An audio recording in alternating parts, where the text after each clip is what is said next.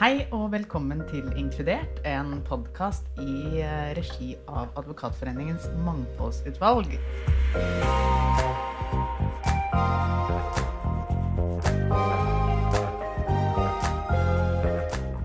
Jeg heter Stine Hasle og er her sammen med Heidi Jorkjenn. Og i dag har vi fått besøk av managing partner i Vikborg, Finn Bjørstad.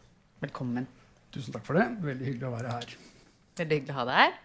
Veldig hyggelig. Kan ikke du bare begynne å fortelle litt om deg selv, Finn? Hvem er egentlig du? Hvem jeg er? Jeg, er, jeg er en ganske enkel fyr fra Rygge, for å si det sånn. Jeg har eh, vokst opp i militærleirer. Min far var i Forsvaret, så jeg flyttet masse rundt. Jeg tok Moss gymnas i 1977 og Universitetet i Bergen i 85. Jeg har en kone som er forfatter, jeg har tre sønner som alle studerer. Og jeg har to hunder, den ene med tre bein. Litt spesielt. Forstere. Eh, og så er jeg en mosjonist pluss pluss. Sykler til jobben hele året. Det er meg i et nøtteskall. Men som Kristin sa, du er jo da MP i Vikborg. Og vi kommer litt tilbake til hva det innebærer, og hva det er. Men, eh, og du var uteksaminert da, sa du, i 1985. Ja. Kan du ikke bare dra oss gjennom hvordan har karrieren vært? Altså etter at jeg skrøt på meg at jeg var god i engelsk, så skjønte de jo fort at jeg ikke var god i engelsk. jeg begynte å jobbe, Så jeg ble sendt fort til London for å lære engelsk. Eh, så jeg, var, jeg begynte å jobbe i 85, og først var jeg nesten et, litt over et halvt år i London. Eh, og så husker jeg veldig godt at jeg i et av mine lengste notater det første halvåret, så kom jeg inn til partner som så og hadde skrevet med sirlig håndskrift oppe til høyre. Dette gjør neppe situasjonen enklere for vår klient.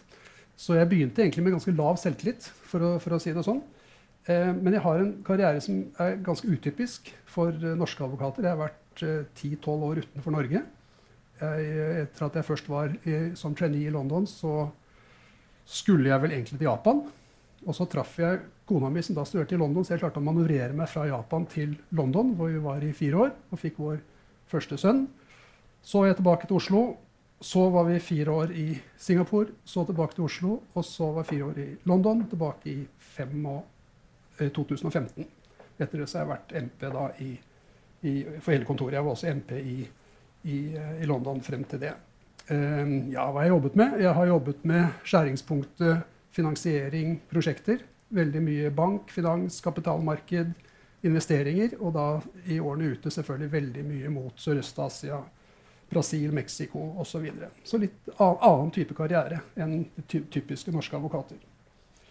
Jeg kom hjem til Oslo som jeg sa i 2015, eh, og da fikk jeg spørsmålet om jeg ville være MP for hele firmaet. Det er for så vidt starten på min karriere. Veldig spennende. Ja, veldig. Det er litt så, og hele tiden i Vikborgheim. da. Hele tiden i her, men jeg har jo rettferdiggjort det for meg selv ved at jeg har skiftet kontor veldig mange ganger. For Ja, det tror jeg faktisk er ganske sunt. Absolutt. Nei, det er jo ingen som. Jeg har vært 15 år i Vision, jeg, så Ja, ikke sant? bra det. Ja. Men eh, eh, litt sånn for de som hører på, da er vi, vi litt usikre på hvem det blir til slutt. Men Ja. det vi har tenkt, er jo at dette her skal være litt sånn eh, noe som kan hjelpe studenter som lurer på hva, sant, som går på jussen. Ja. Skal du bli advokat? Hva slags advokat skal du bli? Hvorfor skal man jobbe, velge de, de store firmaene eventuelt Mm. for, fremfor andre? Eh, nå er det vel ikke sånn at eh, når du går på jussen, skal du vel kanskje ikke ha det første målsetningen å bli MP, men Nei. Mm. jeg tenker at det i hvert fall er eh, fint å, å forklare litt hva, Hva hva, det er det egentlig en MP er. Altså, en MP er jo å være daglig leder for firmaet. Eh, Og da er jeg daglig leder både for eh, advokatvirksomheten, også rådgivningsbiten vår, men også for drift og operasjon. Og det er jo viktigere og viktigere etter hvert som vi er blitt veldig store. Vi var jo vi gikk på rein en pølsebod, og så har man blitt en milliardbedrift. Og da er jo ledelse ganske viktig. Mm. Hvor mange og- advokater er det? Er det Vikborgheim du har ansvar cirka, for det? Som, ja, altså vi er vel ca. 200, litt over 220-230 advokater Mm. per i dag. Det varierer jo litt. Og, og, så mitt ansvar er det. Jeg har jo en ledergruppe å forholde meg til, og jeg har vært ganske sånn bevisst på å rekruttere flinke folk. Jeg er jo ikke utdannet som leder, så Mm. jeg har jo mer lært å være leder underveis. Og det er ikke nødvendigvis at du er den beste lederen da, så jeg har passet på å rekruttere flinke folk rundt meg. Um, hva gjør jeg? Uh, jeg kan si at min, min, mitt hovedfokus er uh, kunder. Mm. Forretningsutvikling, det er uh, kundeoppfølging, det er utvikling av advokatene. Både da partnere og ikke-partnere. Eh, men jeg setter også strategisk retning. Mm. Bestemmer hva vi skal prioritere fremover. og jeg skal også levere på det. Og jeg måles på hvordan jeg leverer i firmasammenheng, og ikke bare på min portefølje som, som advokat. Mm. Um, og det viktigste vi har satt som vårt strategiske mål, er å rekruttere de beste. Mm. Så tanken er jo at hvis du klarer å rekruttere de beste, så faller alle andre brikker på plass litt av seg selv mm. etter hvert. Så det er jo på en måte hovedfokus, og så selvfølgelig fag og den type ting. Men rekruttere det beste, og det har vi vært ganske flinke på. Og vi har vunnet Universitas nå mange år på rad. Så det er på en måte en bekreftelse på at vi gjør ting riktig med rekruttering, tenker jeg. Mm. Men hvis du er jusstudent i dag, da, og så er du så heldig da å få jobb hos Vikborg Rein. Ja. Ehm, du er jo på en måte på toppen. Hvordan ser du, fra, ser du ut da hvis du kommer he, som helt nyutdannet inn hos dere? Altså min største bekymring med rekruttering det er alltid å ikke levere på de forventningene som studentene eller talentene har til oss. Da. At ikke vi klarer å levere på de, det som de ønsker og grunnen til at de velger. Men det viktigste er jo at de kommer inn i et godt team. Eh, at de utvikler seg faglig og ikke nødvendigvis blir spesialister for tidlig, men at de får lov til å flyte litt rundt. Um, og jobbe bredt. At de har en god leder som de vet hvem er, ikke minst. Det visste man jo ikke i gamle dager. Da hadde man kanskje veldig mange over seg. Man visste egentlig ikke hvem som var lederen sin, men i dag er det satt mye mer under system. Det tror jeg jo de fleste firmaene har gjort. Uh, og, um, og, at vi klarer å følge deg opp faglig og utviklingsmessig. Uh, og, så, er det stor, viktig for oss at de får bevilgning fort. at de fort får sakene sine. at det setter vi veldig høyt. og at vi klarer å levere på det som vi lover i rekrutteringsprosessen. Det er vel et nøtteskall hvordan jeg tenker knyttet til det. Mm. Hvem, litt sånn personlighetsmessig, hvem er, det, hvem er det dere ser etter når dere rekrutterer hos dere? Ja, hvem er det vi ser etter? Jeg tror Det er viktig at du ser etter noen som uh, ikke bare er flink på fag. For det er jo alle som søker hos oss, er jo flinke på fag. Så det å skille ut bare på det er ganske vanskelig. Så det tenker jeg at du må ha et eller annet mer, mm, en edge utover det. Uh, kanskje en som har gjort noe annet. Som ikke bare kommer rett fra universitetet eller broilerskolen og kommer inn med, med bryl i håret, for å si det sånn. Gjerne en som har uh, vist noen andre sider av seg selv. Reist, tatt andre fag og kort sagt som er opptatt av noe mer enn bare å være i et advokatfirma. Mm. Var det et godt svar? Absolutt. Um. En, en, annen ting som jeg tror er viktig oppi dette, og som jeg tror kanskje at uh, man bør fokusere enda mer på fremover, det er å være, finne personer som er mer opptatt av et fellesskap enn sin egen, karri sin egen karriere og sin egen fortreffelighet. Mm. For du kommer egentlig ikke så langt hvis du har den innstillingen. Mm.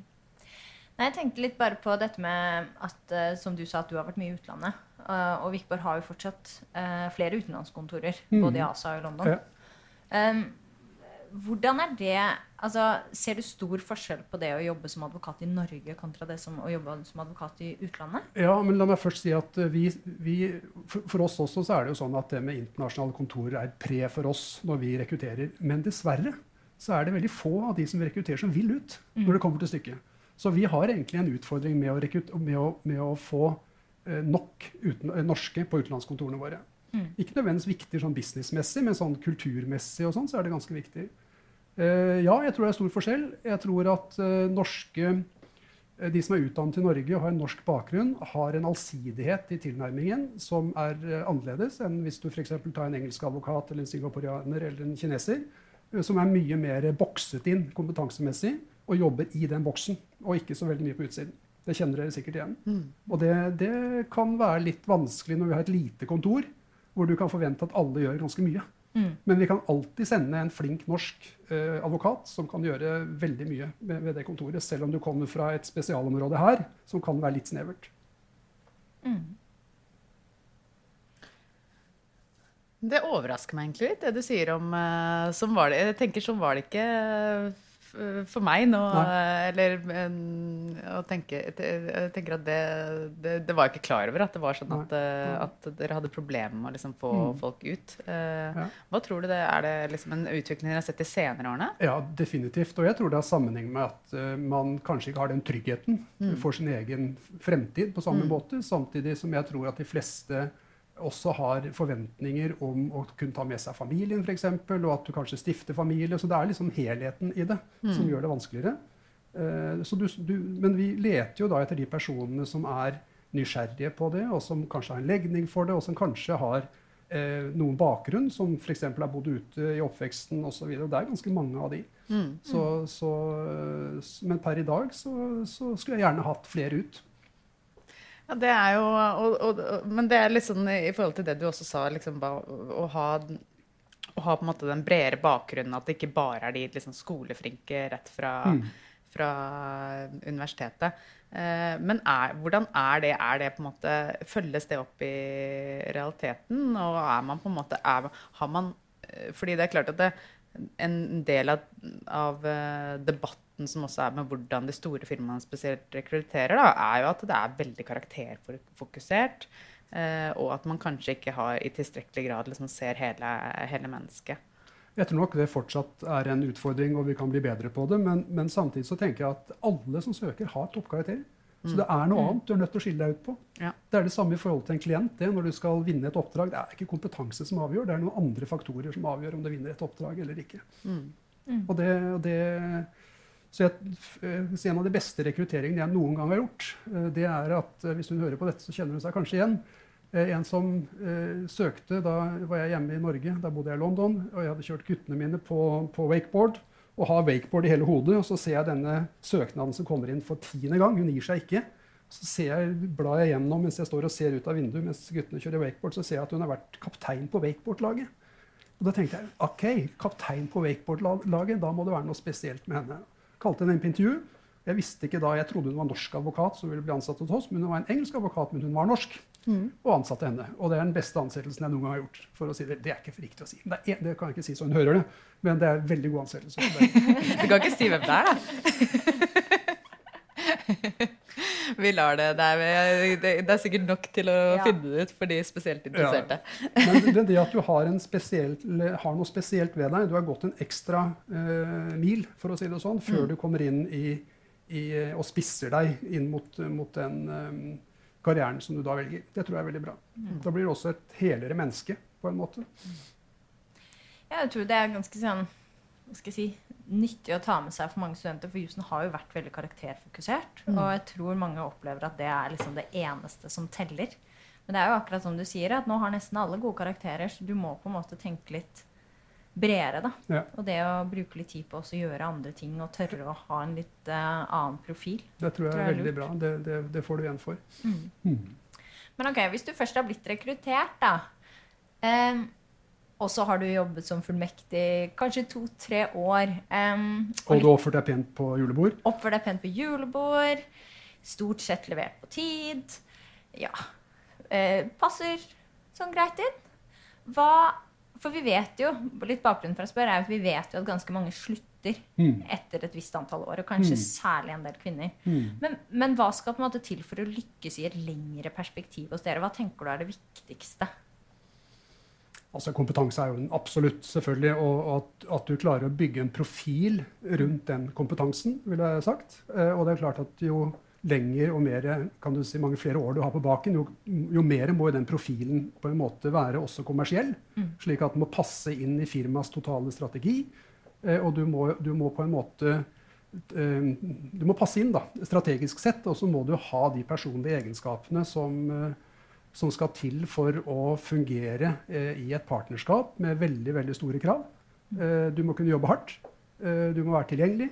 Eh, men du må også være en fellesskapsperson eh, som er positiv for kultur, verdier.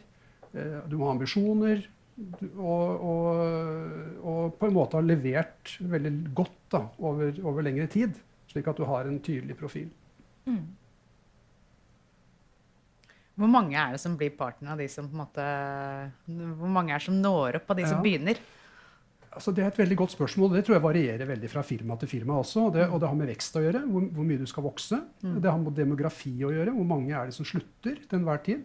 Eh, generasjonsskifte. Mm. Eh, og så tenker jeg at eh, det skal passe godt inn eh, altså Du begynner med å se på om det passer inn strategisk. Og så har vi et strategisk behov for den kompetansen vedkommende besitter. Uh, og hvis vi har det, så er det mer spørsmål om personlige egenskaper. Om du er rett person for å fylle det hullet som vi har. Mm. Og hvor mange det er, det, det, er et godt spørsmål. Uh, uh, hvor mange det er? Altså, ja, altså vi var jo på, på et tidspunkt over 70 partnere. I dag er vi under 60, eller rundt 60. Eh, og vi har tatt opp ganske mange siden vi var 70. Så det sier jo egentlig Ja. at det er blitt Og har færre. gjort, og så gjort har man et eh, måte- veldig generasjonsskifte, egentlig. Ja. Så det, det, så, så, men for å si det på den måten, at det er alltid rom for de aller beste. Mm. Mm. Eh, og da, da er det, men det må være strategisk, og det må være personlige egenskaper. Men de er det alltid rom for. Mm. Så er det liksom da Hvem er det som blir partner? Og det er der vi kanskje kommer liksom og, og vi i da Mangfoldsutvalget, som tidligere var Kvinneutvalget, og uh, litt av temaet for, for denne podkasten er er jo mangfold med fokus i første omgang nå på, på kjønn. Um, og vi ser jo det at uh, på partnernivå i de store firmaene så er det fortsatt en stor, stor uh, ubalanse. Mm. Eh, hva tenker du om det, og, og hvordan jobber dere i Vikborg for å Mm. Eller har dere, jobber dere for å endre det, eller eh, hvordan er det man eh, tilnærmer seg det der? Det er klart vi gjør det, og dette har jo vært et veldig øh, bevisst tema. altså Så lenge jeg har vært leder, så har dette vært veldig på agendaen. Og, og vi blir jo utfordret på dette hele tiden. Og jeg, jeg kan jo ikke si noe annet at jeg egentlig er litt flau. Egentlig ikke bare på vegne av Vikborg Rein, men hele bransjen, egentlig. Øh, At, øh, at man ikke har kommet lenger. Det har vært en veldig, det er, er sammensatt og veldig komplisert. øh, Det er mye historikk i dette. Eh, Det har rett og slett ikke vært nok fokus på å få mangfold inn i et eh, advokatpartnerskap. Og da tenker jeg kjønn, og jeg tenker også flerkulturelt, og jeg tenker Mm. andre ting. Det var, det var på en tidspunkt veldig mange fra Oslo 3 Mm. som var i disse advokatmiljøene. I, i, eh, så mangfold er så mye mer enn en, enn bare kjønn.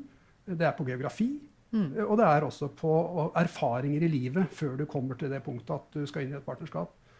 Eh, og, og når det er kjønn, så tenker jeg at det er sånn åpenbart en av de viktigste tingene å ta tak i.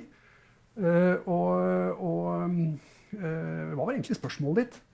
Spørsmålet var fordi at vi hadde mm, Altså spørsmålet var vel egentlig litt sånn Hvem er det som blir partner i Vikborg Rein? Ja. Hvem er den typiske partnerkandidaten? Mm. Og da er jo, var jo egentlig litt sånn ledende rundt, eh, Rundt- rundt, liksom problematikken rundt det. Ja. Ja, altså, eh, Hvordan ser partnerskapet deres ut, hvis vi kan begynne der? Altså hva i dag? Du sa dere var litt uh, under 60 vi er alt, vi, advokater. ja, og vi er altfor få kvinner. Det er vel, eh, altså Jeg er litt usikker på akkurat prosentsatsen, men det er vel ca. 10% tenker jeg. Uh, og, men det jeg tenker rundt det, er at uh, det er sammensatt, som sagt. Det er komplisert. Det er mye historikk. Så tror jeg at det har skjedd veldig mye de siste fire-fem årene i de fleste firmaene. Noen har kommet lenger enn andre. Jeg tror ikke nødvendigvis vi har kommet lengst. Som gjør at du kommer til å se en utvikling på dette fremover som er en bedring. Mm. Og det er ikke fordi at vi skal ta inn kvinnelige eh, partnere, nødvendigvis, men fordi at vi skal ta inn de beste. Mm. Og at, eh, at eh, når vi vet at 70% som går, går ut fra universitetet, er kvinner Vi rekrutterer ca. 60 kvinner i dag. Og så har vi sett at den, at den kurven, at vi mister de fast advokat på slutten, senioradvokatnivå, da mister vi de etter første andre eh, graviditet. Mm. Og vi har forsøkt å tilpasse bedre eh, arbeidssituasjon, oppfølging, eh, og gjøre de tingene det er mulig å gjøre for å klare å la flere stå gjennom det, det løpet. Og det gjelder både kvinner og menn. Det er ikke Mm. bare kvinner vi mister på det nivået. Det er ganske stor gjennomtrekk Mm. eh, også av menn som får, får barn den eh, tidsperioden det er sånn. Og jeg tror at, eh, at det kommer til å bedre seg. Eh, men det er klart at eh, det er en del ting med vår næring på en måte som er en utfordring i det. Eh, Vi selger tilgjengelighet til kunder, og, og, og vi, vi skal være Vi, vi har veldig krevende mandater som vi skal løse på kort tid. Eh, og, og det er ikke alltid like lett å planlegge. Nei, jeg synes Det er interessant det du sier, og det er jo også min, min erfaring at dette er ikke lenger. Og vi har liksom vært litt bevisst på det her i, i vårt forum, at vi ønsker ikke å liksom Uh, At kvinnedebatten må ikke bli en sånn her eh, om, om altså fødselspermisjonsdebatt, nærmest. Nei. Men det er klart at det er jo, uh, det er jo en, en, en trend i tiden, tror jeg også, at flere av de som man ansetter, etterlyser andre, altså liksom er mer fleksibilitet enn enn kanskje det tradisjonelt har vært uh, i, uh, mm. i advokatyrket rundt å løse liksom Ikke løse, men ja. håndtere det å ha en familie ved siden av en sånn jobb. Og, men det er litt interessant å høre hva du tenker om hvordan den uh, hva Something's gotta give, på en måte. Er det, er det på en måte uh, I hvilken grad kan du da som leder av et advokatfirma legge til rette for det, målt mot de kravene som stilles fra dine klienter? Jeg tror, jeg tror dette har også veldig mye med ledelse å gjøre. God ledelse. og at som jeg sa tidligere, at i advokatbransjen så har man jo ikke liksom, Det er ingen som har ønsket å være ledere. Ikke sant? Sånn at Man har ikke hatt noe god oppfølging av den enkelte. Og hvis man har en leder som er klar over den enkeltes behov og behov for fleksibilitet, så er det lettere å få det til. At du sitter veldig tett på den som er i den situasjonen, da, slik at du kan tilrettelegge for det fra dag til dag, uke til uke. Det, det tror jeg du kan hente veldig mye på det. Eh, om klientene blir noe mindre kravstore, det er jeg ikke like sikker på, skal jeg være helt ærlig. Eh, selv om det er de som også på en måte er veldig uh, på oss for at vi skal øke kvinneratioen, så tenker jeg at uh, de kunne gjort det litt lettere for oss. Ja, Vi hørte jo faktisk her tidligere fra Audun Moen da han var her, at du hadde lovet han at 50% av alle partneropptak skulle være kvinner. Her, fra da. ja, det, det, det, er hans tolkning. Ja. Men altså, Det er for så vidt riktig, det. Men samtidig så er det ut ifra For det første er det en viss sånn tidsbegrensning i det, og at det er en rullerende periode, men, men, hvor jeg har uttalt meg på basis av hva vi har av kvinnelige talenter akkurat nå, som jeg er ganske optimistiske til vil ta, eh, ta, ta skrittet videre. Eh, som kommer som en naturlig utvikling av en del andre ting vi har gjort. Vi har jo f.eks. hatt en sånn mentorordning nå noen år på på kvinnelige Og det var ment egentlig at eh, de kvinnelige talentene på seniornivå skulle først, og så skal vi rulle det ut også for, for, uh, for menn. Uh, og så er det stoppet siste nå pga. korona, selvfølgelig. Men jeg tror det har hjulpet til at vi er ganske mange kvinner som har gått gjennom dette mentorprogrammet, hvor vi har hatt eksterne krefter inn, og vi har også interne mentorer.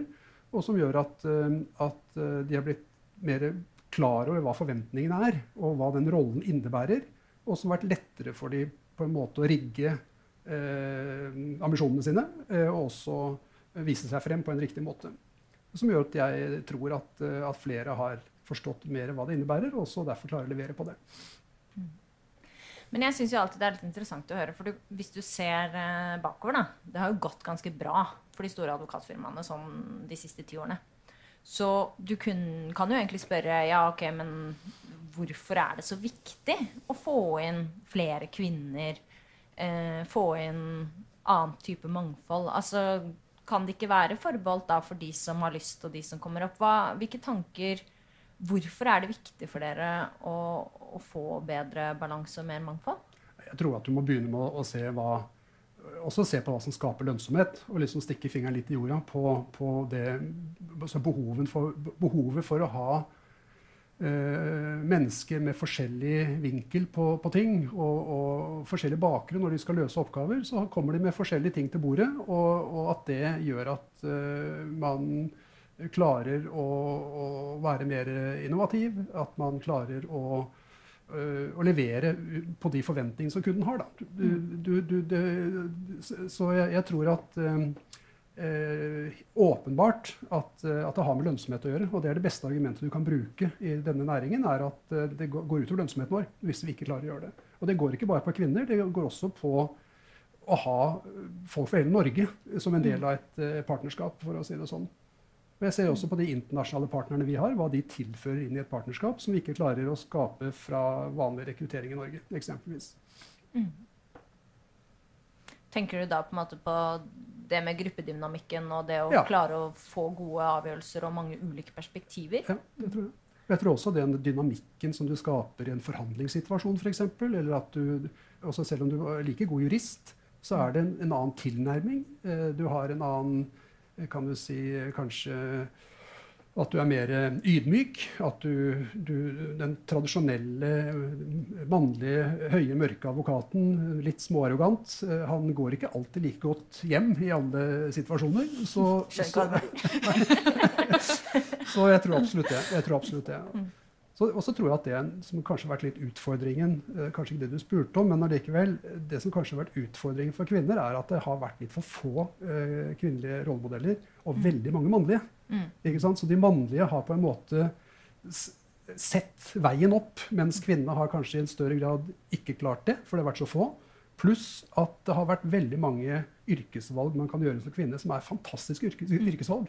De kan bli dommere, de kan bli internadvokater, de kan veldig mange stillinger som er like fristende som å gå inn i et advokatfirma, mm. hvor du kanskje har litt mer kontroll på hverdagen din. Så det er ikke gitt at liksom alle har lyst til å bli mm. forretningsadvokater heller.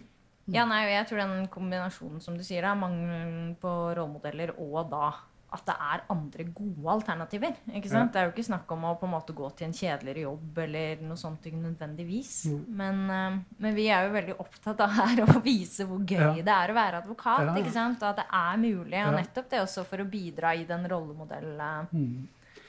For jeg, tror, jeg tror, jo at litt av liksom konteksten rundt er litt er, er, er liksom det kulturelle på hvilke liksom, hvilken kapital du Altså hva du får ut av jobben. Da. Det, det på en måte med eh, God lønn tror jeg faktisk, liksom, veldig generalistisk sagt, men appellerer i mindre grad til kvinner enn til menn. Også fordi at man får mindre tilbake for, for det i, i, en sånn samfunnsmessig mm. kontekst. Da. Det er en, en mindre Altså du får mindre sosial kapital for det. da. Mm. Men jeg tror ikke det med lønn nødvendigvis. Jeg kan ikke huske altså jeg, jeg stiller et spørsmålstegn om lønn er så viktig. Eh, jeg tror de fleste uh, har en ambisjon om å være på et A-lag. Mm, mm. uh, og lønnen kommer litt i bakhevet for det, tenker jeg. Mm, og det går på å være der det brenner, mm. rett og slett. Til enhver tid. Og, og, det med partnerskap Jeg vet ikke når, det, når, man begynner å tenke på det, men jeg tviler på at noen har den i, på netthinnen før det kommer ganske langt i karrieren. Mm. Og jeg, for min egen del, så, så, som jeg sa innledningsvis, at jeg, når jeg fikk et partnertilbud, da hadde jeg jobbet sammen med seniorpartner på en veldig vanskelig sak ganske lenge. Og ble kalt inn på kontoret hans, og jeg var jo skikkelig nervøs for at jeg skulle få beskjed om at kanskje jeg skulle finne på noe annet. Så det var liksom Jeg, Jeg, hadde ikke tenkt tanken på partnerskap. Og så ble du partner Så ble jeg partner. Ja. Ja. Kan jobbe litt med forventningsstyring, kanskje. men eh, men, eh, men syns du det har endra seg litt? Eh, sånn som du ser det, altså, Er det mer på en måte at fullmekter f.eks. kommer til dere med en klar ambisjon om at jeg skal bli sånn og sånn eller sånn eller sånn i dag? Jeg hadde en uh, veldig talentfull, flink uh, kvinne som kom og Det var første gang jeg så jeg tror, veldig tidlig jeg så en powerpoint i et møte. Og hun kom med en plan. Uh, Martine, partner i 20 et eller annet tidspunkt, jeg husker ikke når det var, men altså, det var noen år frem i tid. Og hun kom rett fra universitetet, hadde da den powerpointen der. Eh, og, og, var på god vei, eh, for å si det sånn. Men eh, det som gjorde at hun sluttet, var vel egentlig at hun kom en dag og sa at jeg vil ikke jobbe med olje og gass. Jeg vil jobbe med en helt annen ja. form for energi. Så det var egentlig det som gjorde at hun bestemte seg for å gjøre et annet karrierevalg. Etter at hun har vært i Singapore, London, ute som dommerfullmektig og gjort alle de riktige tingene så ville hun ikke jobbe med fossilt brennstoff øh, og sluttet, dessverre. Så da mistet vi et talent på det, og ikke på noe annet, tror jeg. Men uh, hun var veldig klar. Mm. Men veldig få er det. Mm. Og jeg tror også det er litt vår skyld at vi mystifiserer det for mye. Det er ikke så veldig transparent. Uh, jeg tror ikke de vet noe særlig hva det innebærer, og hva forventningene er. Så vi, vi er litt for sene til å begynne å snakke om det. Men vi har da noe vi kaller for forretningsadvokatskolen hos oss. og Det tipper jeg det er sikkert samme i Thommessen og Wiersholm og de andre firmaene, hvor vi forsøker mer og mer å være åpne om det. Eh, slik at de er mer, kan styre forventningene litt, og også hva som skal til. Og vektlegger da veldig mye det vi har snakket om her, som går på andre ting enn det rent faglige. Veldig mye på det med å jobbe i team, jobbe riktig. Eh, vi-kultur, ikke jeg-kultur. Stille opp når det gjelder, osv. Mm. Oppføre seg pent. Be en likable person, rett og slett. Mm. -hmm. jeg tror du har veldig mye rett i det der at det er litt mystisk. Altså, jeg kan huske at jeg det, det, føltes litt sånn skummelt å på en måte uttrykke noen form for partnerambisjon. Eh, fordi at du liksom Du vet ikke helt hva det går i, og så vet du at det er forbeholdt så få.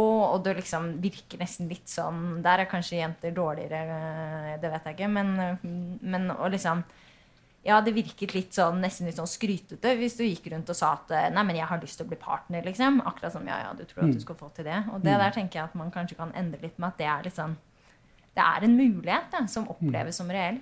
Men jeg tror nok også det at partnermodellene har stått litt i veien for kan du si, det å ha flere kvinnelige partnere per i dag. at det er en sånn modell som er basert på vinn eller forsvinn. Mm. At, at, vi ikke har vært flinke nok i den modellen da, å tilrettelegge for det. Det tror jeg også forandrer seg nå i større grad. Men ikke det at du ikke skal helt opp i en partnerstige. For når du blir partner, så er det sånn at du begynner på et visst sånt nivå når du er ung, og så bygger du deg opp så din andel av et en, et overskudd i firmaet blir større etter, jo lenger du har vært der. for å si det enkelt. Eh, og, så tror jeg at, eh, at, og da blir jo kravene tøffere og tøffere for hvert mm. år. Eh, og så har man ikke tilrettelagt hvis du får barn, å stoppe opp og ha mindre forventninger i den perioden. Og det tror jeg hos de fleste nå er endret, slik at man kan få mer fleksibilitet, ikke bare når du er borte, men også i den perioden etter at du kommer tilbake. Og det er veldig opp til deg selv hvor mye fleksibilitet du skal ha. Det er ikke noe vanskelig å prate om, i, hvert fall ikke med meg. Uh, og det finner vi stort sett løsninger på. Det har ikke vært så mange tilfeller, men, men noen har vi hatt. Mm. Ja, for det er, vel, det er, vel, Vi også har jo hatt eh, Men det har vært uh, egentlig mannlige partnere som har fått barn uh, mens de har vært unge partnere. Og, det, og, det, har jo gått helt fint. Ja. så det er jo viktig å huske på at det er, liksom, det er mer enn de de får den. Så det er et langt uh, løp. Da. Ja, og det er jo en forventning, tenker jeg også sett fra mitt ståsted. Er du mann og blir pappa, så mm. skal du ta din del av det. Mm. At det er en del av livet sånn som livet er. Og det, hvis du skal være et helt menneske, så må du kunne gjøre det. tenker jeg. Og det må vi tilrettelegge for også for menn. Mm. Så, mm. Ja, jeg tenker Det er et veldig viktig signal å gi også for å oppnå en, måte, en likestilling der. Da. At hvis man skal få et barn, så er det ikke bare sånn at det medfører at en kvinne er borte. Det er like mye at man skal ha en perm. Man får litt redusert kapasitet på egne timer en periode uavhengig av kjønn. Ja. Så jeg tror det er veldig viktig for, eh, for, kvinner, og kan i hvert fall kjenne meg igjen i det. At det, at det også gjelder for gutta, er, mm. er viktig. Mm. Hvordan tror, du sånn, eh, hvordan tror du det vil se ut om ti år, da? Jeg tror at om ti år så er det mye mer balanse i det. det, det er, jeg kan ikke skjønne hvorfor det ikke skal bli sånn. Eh, og det er også sammenheng med liksom sånn struktur på familiesituasjonen. At, eh, at, det er andre typer forventninger også til mannen mm. i, i, familiesituasjonen som gjør det mulig eh, å prioritere eh, mellom ektefellene. Eh, så jeg tror at det kommer til å og det kommer til å utjevne seg. Eh, hvor mye, det vet jeg ikke, men hvis du ser internasjonalt, så er det jo mye større andel av kvinnelige, eh, kvinnelige partnere enn der i, på de, i norske firmaene. Så det er ikke noe grunn til å tro at ikke det skal utvikle seg på samme måte. Mm. Så det, det, håper jeg i hvert fall. Og, og, hvis du også ser på demografien og hvordan den ser ut i de fleste firmaene, bare ta hos oss, så er det ganske mange menn som skal slutte i løpet av de neste fire-fem årene. Mm. Så det kommer til å åpne opp uh, muligheter. Mm. Men jeg tror det er en større spørsmål hvordan ser advokatfirmaene ut om ti år. Det er jo ikke gitt at den utviklingen vi har sett i dag, som har vært formidabel de, de siste årene, at den fortsetter. Det er en helt annen problemstilling. Mm. Og det vil jo påvirke også uh, opptak av nye partnere, og kvinnelige for den saks skyld. Mm. Men i forhold mellom mann og kvinner på nye opptak så tror nok jeg at, uh, at det blir mer balanse. Opplever du at kvinnene som, som, søker seg, altså de unge fullmektigene deres, at de er opptatt av det? Og kjønnsbalansen i firmaet? Ja, ja jeg, jeg, jeg, føler nok det. At de er opptatt av det. Eh, og, og, de er opptatt av veldig mange ting, og dette. Eh, og ikke dermed sagt at de føler at de skal ha Jeg tror de er veldig vare på å føle at de blir prioritert på noen måte. Mm. Jeg tror det vil være helt counterproductive hvis de mm. føler at det er noen som helst form for eh, som vi gjør, som er for de. Det må være noe vi gjør for alle, og så må det passe inn for, også for kvinnene. Uh, så jeg tror det, det, det, er flere som er ganske følsomme på det. Mm. Ja, det er jo ikke så rart. Nei, det er ikke så rart. Det er jo ingen som vil på en måte bli ja. kvotert inn. Ja. Det... Man, tilbake, ikke sant? man vil jo være en del av et A-lag, men man vil jo definitivt også være en ordentlig del av det A-laget, ja. og ikke trekke det A-laget ned. Uh, tenker jeg. Så bra. Eh, har du et siste tips da, til de som har lyst til å bli forretningsadvokat, og kanskje til og med partner? Ja, altså Jeg tror egentlig jeg har vært litt inne på det. Jeg tror at uh, man skal gå en liten omvei. Jeg tror ikke du skal gå rett på det målet, rett og slett. Uh, og at du skal tenke at du skal gjøre noen andre ting på veien før du kommer dit. Det tror jeg er et godt råd. Uh, om det er å ta et fag, eller om det er å reise, eller om det er å jobbe et annet sted først.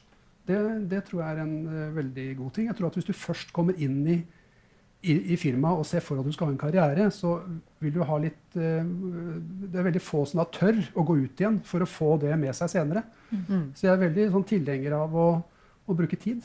Man har tid, og ikke gå rett på målet. Og det er uavhengig om du er kvinne eller om du er mann. Mm. Finn, dette var veldig interessant og hyggelig, ikke minst. Eh, veldig mange ja, hva skal jeg si, nyttige tanker og gode perspektiver. Tusen takk for at du kom. Takk for at jeg fikk lov til å komme. Veldig hyggelig.